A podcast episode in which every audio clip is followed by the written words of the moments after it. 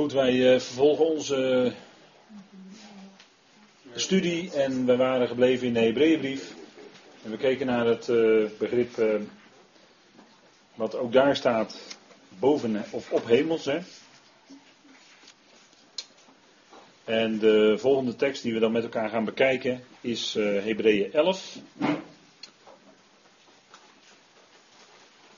En daar worden een aantal mensen genoemd die gelovigen waren. Bijvoorbeeld Abraham, en Isaac en Jacob, Sarah. En dan wordt daar van hen gezegd.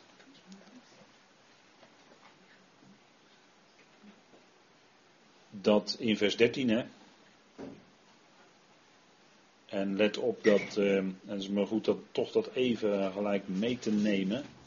Kijk, in vers 13 wordt van die hele opsomming van gelovigen die tot dan toe genoemd zijn in Hebreeën 11, daar wordt iets van gezegd. Er wordt gezegd in vers 13, deze allen zijn in het geloof gestorven. En wil ik u even wijzen op vers 5. Daar staat namelijk door het geloof werd Henoch weggenomen, opdat hij de dood niet zou zien. Hé, hey, hoe kan dat nou? Wij dachten altijd dat hij nog niet gestorven was. Maar hier staat in vers 13, staat, deze allen zijn in het geloof gestorven. Hoe kan dat? Hoe kan dat? Nou kijk, er staat, en hij werd niet gevonden, omdat God hem weggenomen had. En als u mij vraagt, maar dat zeg je dan even bij, dan betekent dat opdat hij de dood niet zou zien, dat God hem plotseling wegnam en hij helemaal niet beseft heeft dat hij stierf. Hij heeft helemaal niet beseft dat hij stierf. Dus hij zag de dood niet. Begrijpt u? God nam hem weg. En voor zijn wegneming kreeg hij namelijk getuigenis dat hij God behaagde. Dat zou je kunnen opvatten, zo op die manier, omdat je anders vastloopt met vers 13. Deze allen zijn in het geloof gestorven. Daar wordt duidelijk dus vastgesteld dat zij gestorven zijn. Dat geldt dus ook voor nog. Ja, dus ik denk dat, dat, dat we dat zo, misschien als we vers 5 lezen, zo kunnen zien. hij heeft de dood in feite niet gezien, God nam hem ineens weg. Net zoals iemand in de slaap kan overlijden, dan heeft die persoon ook de dood niet gezien. niets daarvan meegemaakt eigenlijk, is gewoon gebeurd. Sliep al en is daarin gebleven, zeg maar. Hartstilstand, gebeurt. Mensen die s'morgens niet meer wakker worden. Ja, die hebben de dood niet gezien. Nee. Nou, zo ook heen nog, denk ik. misschien zou je dat zo mogen zien. En er staat, maar goed, laat ik even voor wat het is. Ik wijs u er even op. Maar er staat dan, zij hebben de vervulling van de belofte niet verkregen, maar hebben die vanuit de verte gezien en geloofd en begroet. En ze hebben beleden dat zij vreemdelingen en bijwoners op de aarde waren. He, ze ervoeren wel, we zijn hier wel, maar we hebben die belofte en dit is het niet. Dit is het niet wat ons beloofd is, in feite. Hoewel zij wel in het beloofde land hebben geleefd, en daarbij gelegenheid uit weggingen, maar ook weer terugkwamen. En toch ervoerden zij dat ze vreemdelingen en bijwoners waren. Want er was kennelijk iets aan hen beloofd en misschien ook wel incidenteel iets getoond. Hè, want Abraham verwachtte de stad met fundamenten. Dus Abraham heeft waarschijnlijk toch iets gezien. Of het is een beloofd, op een of andere manier. Want wie zulke dingen zeggen, laat het duidelijk blijken dat zij een vaderland zoeken. En als ze aan het vaderland gedacht hadden van waaruit ze weggegaan waren, zouden zij gelegenheid hebben gehad om terug te keren. Dus ze waren in het land van de belofte, maar ze verlangden toch iets diepers, iets, iets heerlijkers. Ze beseften toch van dit is eigenlijk nog niet het echte vaderland uh, wat ons beloofd is. Het is eigenlijk nog niet echt de vervulling, de vervulling van de belofte, want we hebben zulke geweldige dingen gehoord. En ze verlangden dus niet terug uit waar ze vandaan kwamen, want Abraham kwam uit Ur der Galdeën. Daar verlangde hij niet naar terug. Nee, hij verlangde naar iets wat hem beloofd was, wat in de toekomst zou komen. En er staat maar nu verlangen zij naar een beter, dat is een ophemels vaderland. vaderland staat er dan niet, maar het is hier door de vertaler schuingedrukt toegevoegd. Maar dat, dat, woord staat er dus eigenlijk niet in de grondtekst. Hè. Zij verlangen naar een beter, dat is een ophemels. Dat wil niet zeggen dat zij in de hemelen zullen komen zoals wij. Dat wil dat niet zeggen. Maar zij verlangen iets wat zo'n, dat iets van die glans heeft, wat iets van dat karakter heeft van de bovenhemelse dingen. En dat is dus in feite de grote vervulling, zal voor Abraham en die andere gelovigen zijn, het koninkrijk der hemelen, maar dan op de nieuwe aarde. Dat is de ultieme vervulling voor hen van het koninkrijk der hemelen, wat zij verwachten. En die nieuwe aarde is natuurlijk veel geweldiger dan de oude aarde, duizend jaar. De duizend jaar hoort ook, is de eerste fase zou je kunnen zeggen van het koninkrijk der hemelen. Maar dan, daarna komt de, daarna gaat dat koninkrijk van de hemelen door, maar dan op de nieuwe aarde. En dat is waar zij ten diepste naar verlangen. En of Abraham dan werkelijk iets gezien heeft van die stad, dat weet ik niet. Maar in ieder geval verlangt hij ernaar. Nou. Dus ook daar komt dus dat woord op hemels voor, hè, vers 16. Dan als laatste in 12 vers 22. En daar wordt dan weer tot, tot die gelovigen gesproken waarvan er ook waren die zich iets bewust waren geworden van die hemelse roeping. Die hemelse roeping. En dan wordt er gezegd, en er worden ze vergelijking gemaakt van het oude en het nieuwe. Hè? En er staat, en wat zij zagen was zo verschrikkelijk dat Mozes zei, ik ben zeer bevreesd en sta te beven. Dat was de openbaring van de Heer op de Sinaï met donder en bliksem en ze mochten de berg niet aanraken, anders zouden ze dood neervallen enzovoort. Hè? Er was een, dat was een uh, gebeuren dat was ontzagwekkend. Dat joeg angst en schrik aan bij de mensen. dan, daarom wordt dat hier gezegd. Hè. Want wat zij zagen was zo verschrikkelijk dat Mozes zei: Ik ben zeer bevreesd en sta te beven. zo was dat verschijnsel met, dat, met de openbaring van het oude verbond. Hè. En er staat er, wordt tegen die gelovigen gezegd: Maar jullie zijn genaderd tot de berg Sion en tot de stad van de levende God. Tot het ophemelse Jeruzalem. En tot de tienduizendtallen van boodschappers. Tot een feestelijke vergadering. En de gemeente van de eerstgeborenen, die in de hemelen opgeschreven zijn en die God en die tot God de richter over allen en tot de geesten van de rechtvaardigen, die tot volmaaktheid zijn gekomen, en tot de middelaar van het nieuwe verbond, en het bloed van besprenging dat van betere dingen spreekt dan dat van Abel. Dus hier wordt gesproken over het ophemelse Jeruzalem. Dus een stad, kennelijk, met zoveel heerlijkheid. En uh, zelfs dan zou je nog kunnen afvragen of het hier om een letterlijke stad gaat. Dat kun je ook nog afvragen. Maar er staat wel, jullie, hè, ze waren hij herinnerde aan, hen aan de openbaring van JW op de berg Sinaï. Dat was afschrikwekkend. Dat was met donder en bliksem en donkerheid. En, en, en dat joeg alleen maar angst aan, eigenlijk. Maar hier zegt hij: Jullie zijn genaderd tot de berg Sion. Was dat dan de letterlijke berg Sion in Jeruzalem, op aarde? Nee, dat bedoelt hij hier natuurlijk niet. Want hij zegt: En tot de stad van de levende God. Ja, dat kon nooit het Jeruzalem zijn wat er toen was bij Hebreeën. Want misschien was, uh, uh, waar, uh, zat er al aan te komen dat Jeruzalem verwoest zou worden. Hè, tot de stad van de levende God. Tot het ophemelse Jeruzalem. Dus dan kon hij nooit het, het Jeruzalem van die dagen bedoelen. En tot de tienduizenden van boodschappers. Dus hij spreekt hen hier in feite met hun begrippen, hè, de Hebreeën met hun begrippen, met hun dingen die zij zo goed kenden, die gebruikte hij als in een beeld om iets van die hemelse heerlijkheid duidelijk te maken. Voor hun begrippenwereld, hè. En tot de gemeente van de eerstgeborenen. Feest of vergadering, gemeente van eerstgeborenen. En dan zou je kunnen zeggen, ja, Israël was het eerst geroepen. Maar wie kregen uiteindelijk echt het eerstgeboorterecht? Wie waren de werkelijke eerstgeborenen? De gemeente, ja. Want Christus is de eerstgeborene van heel de schepping. Zegt Paulus in Colossense 1. Hij is de werkelijke eerstgeborene. En al diegenen die bij hem horen in dat lichaam, wat zijn die dus? Ook eerstgeborenen, want ze horen bij hem. Ik geef het u maar aan. Hè? Denk daar dus over na, op die manier. Hè? Want Israël was misschien in de tijd op aarde wel eerst geroepen. Maar als het gaat om het eerstgeboorterecht, dan zien we altijd dat het naar de volgende gaat, die komt.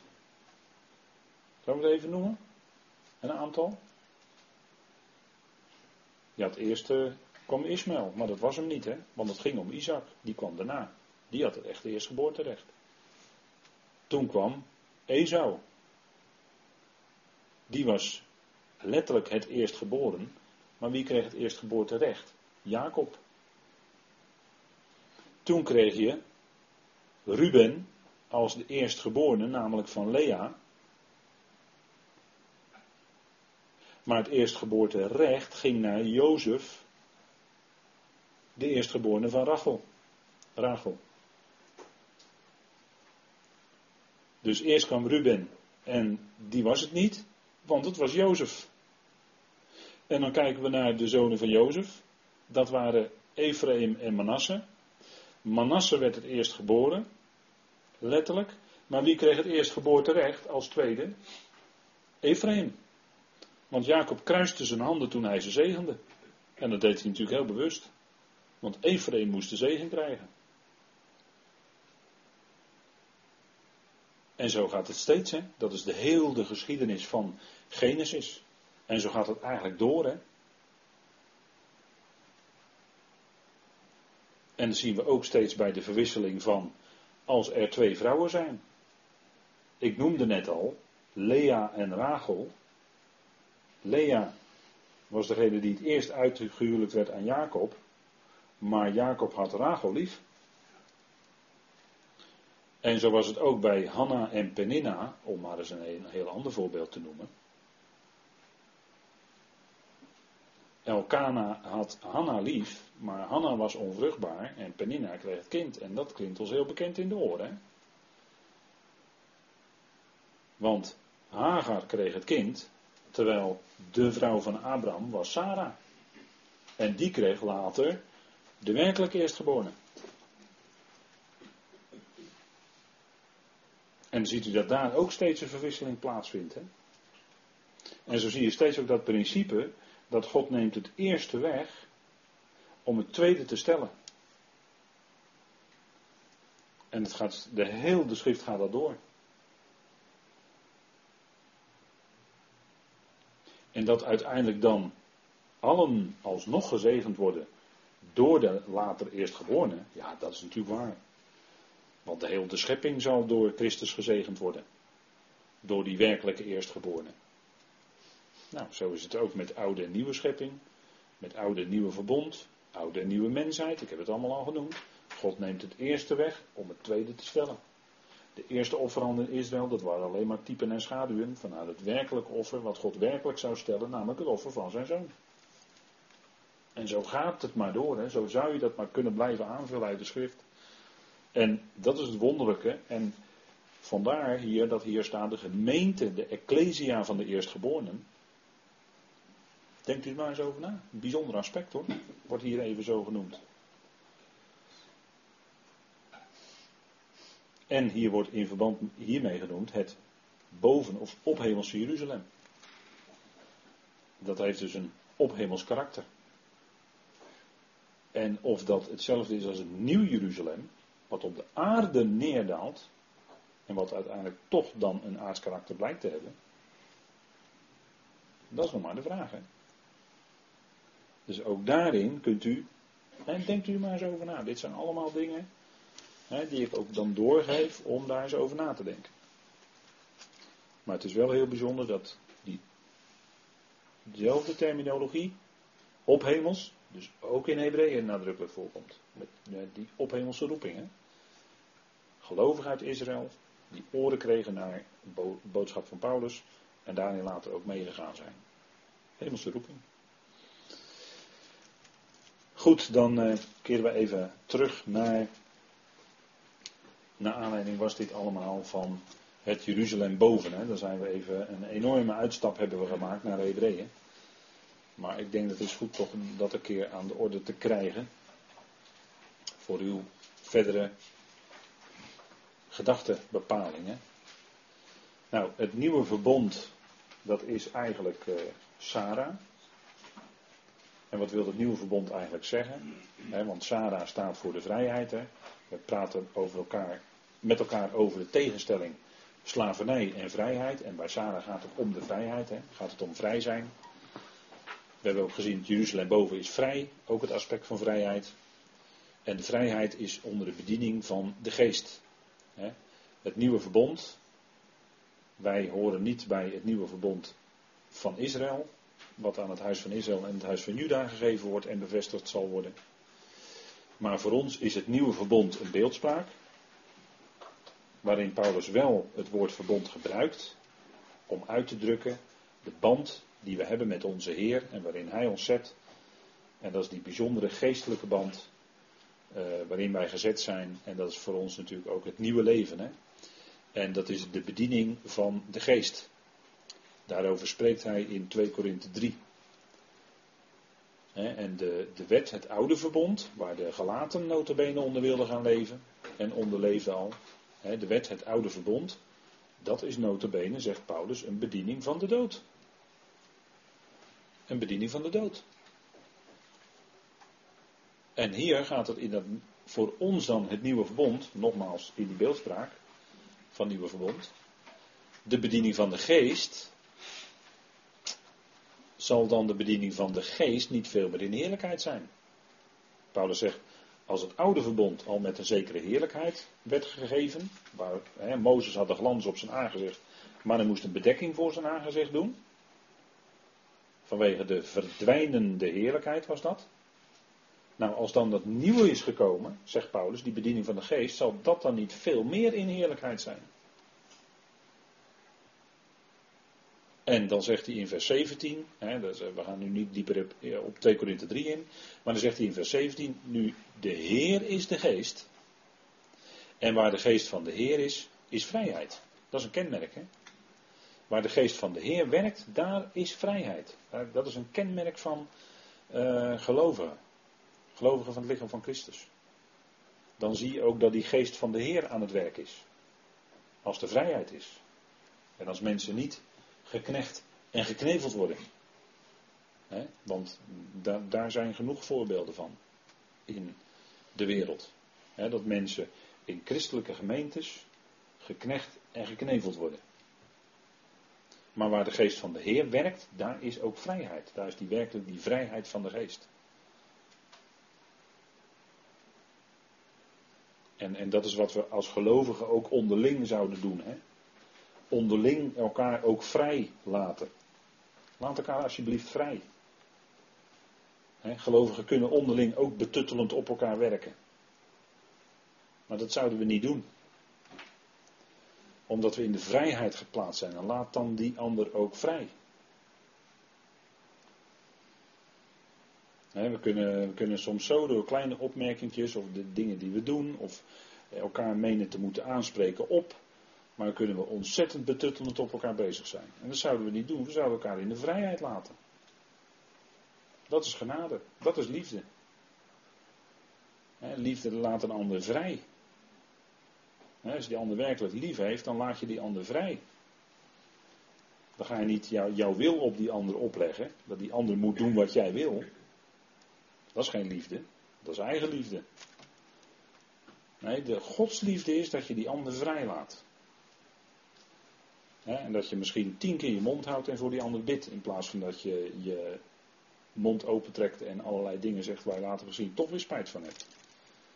Omdat het toch misschien wel een beetje betuttelend was. dan kan je beter voor die ander bidden. En die ander zo vrij laten. in handen van de Heer vrijlaten. Want we weten toch dat wij leden zijn van Christus, dat de Heer voor ons zorgt. En dat de Heer ook heel goed voor die ander kan zorgen. En waar, waar, waar nodig kunnen wij die ander helpen. Maar dan echt helpen. En het is moeilijk, dat is soms een kunst om de ander te helpen en die ander toch vrij te laten. Dat is soms moeilijk. Maar dit is het principe voor ons. Hè? Waar de geest van de Heer is, waar die werkt, daar is vrijheid. Als wij elkaar vrij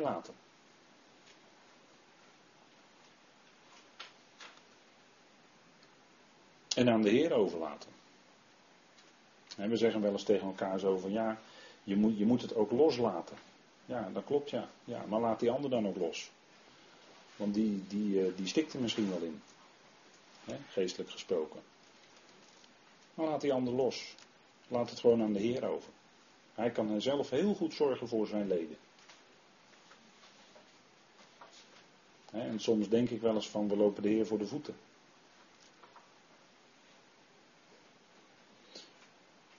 En dat is het geweldige principe. En dan kan die ander zich ook echt, hè, want dat heb ik vorige week woensdag op de toerusjesavond gezegd.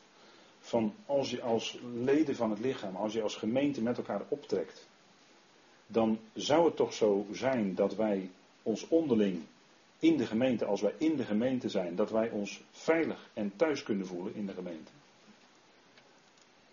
Dat zou toch zo dan zijn? Nou, dat heeft hiermee te maken. Waar de geest van de Heer is, daar is vrijheid. En daar voel je je dan ook veilig in. Als het goed is, hè?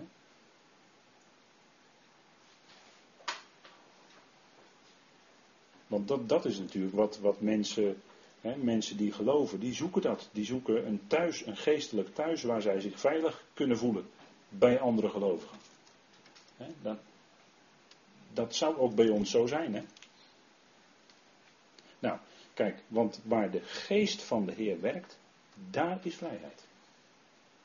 En er is ook vrijheid om eh, met elkaar te kunnen spreken in alle rust over de dingen die ons werkelijk bezighouden. Dat woord van God. Daar ook.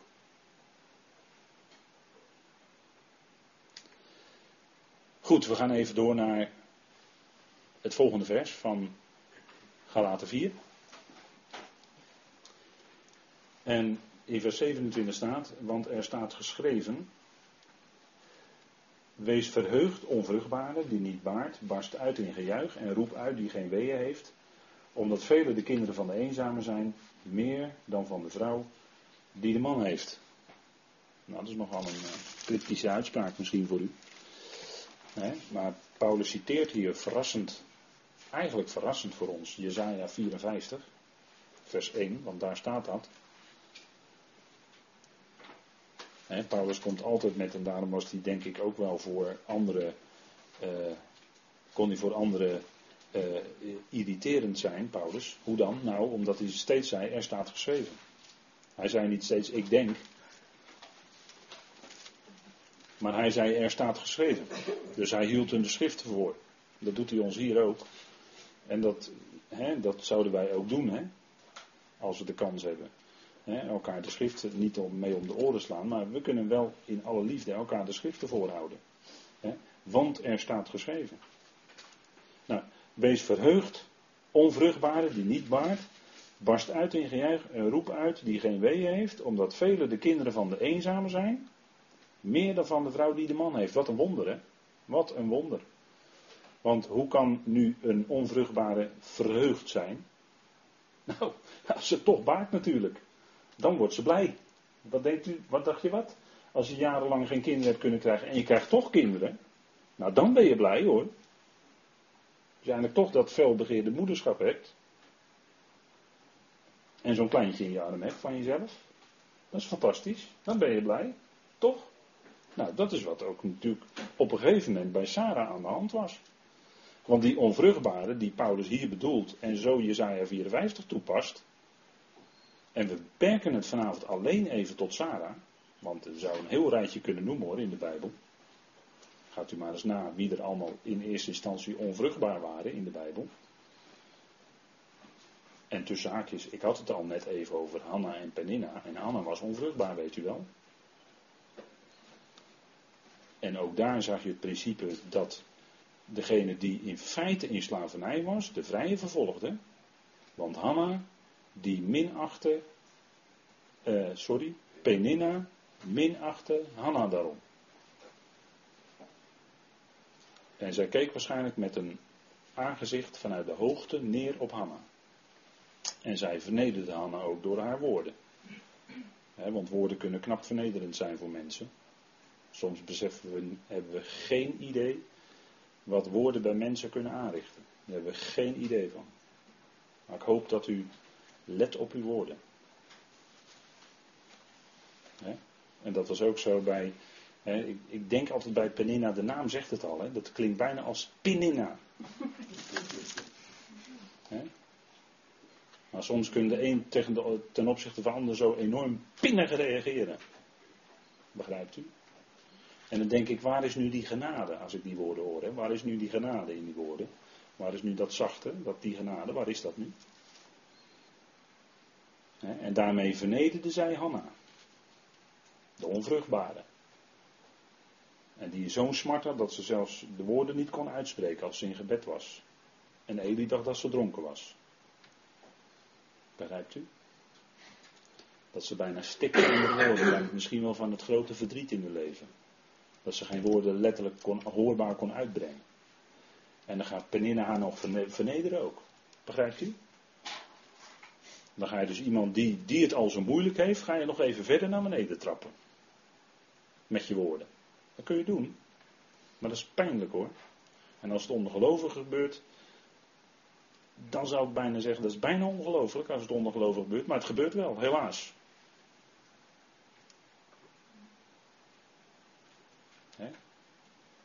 Kijk maar wat Paulus schrijft in Efeze 4. Maar hij zegt, spreek dan een goed woord tot opbouw met genade. Spreek dat dan. Niet die andere woorden die Paulus daar noemt. Want zo ging het bij Hanna en Peninna ook al onderling. En dan, dan zeg ik, ja oké, die dingen zijn ons dan inderdaad ten voorbeeld opgeschreven.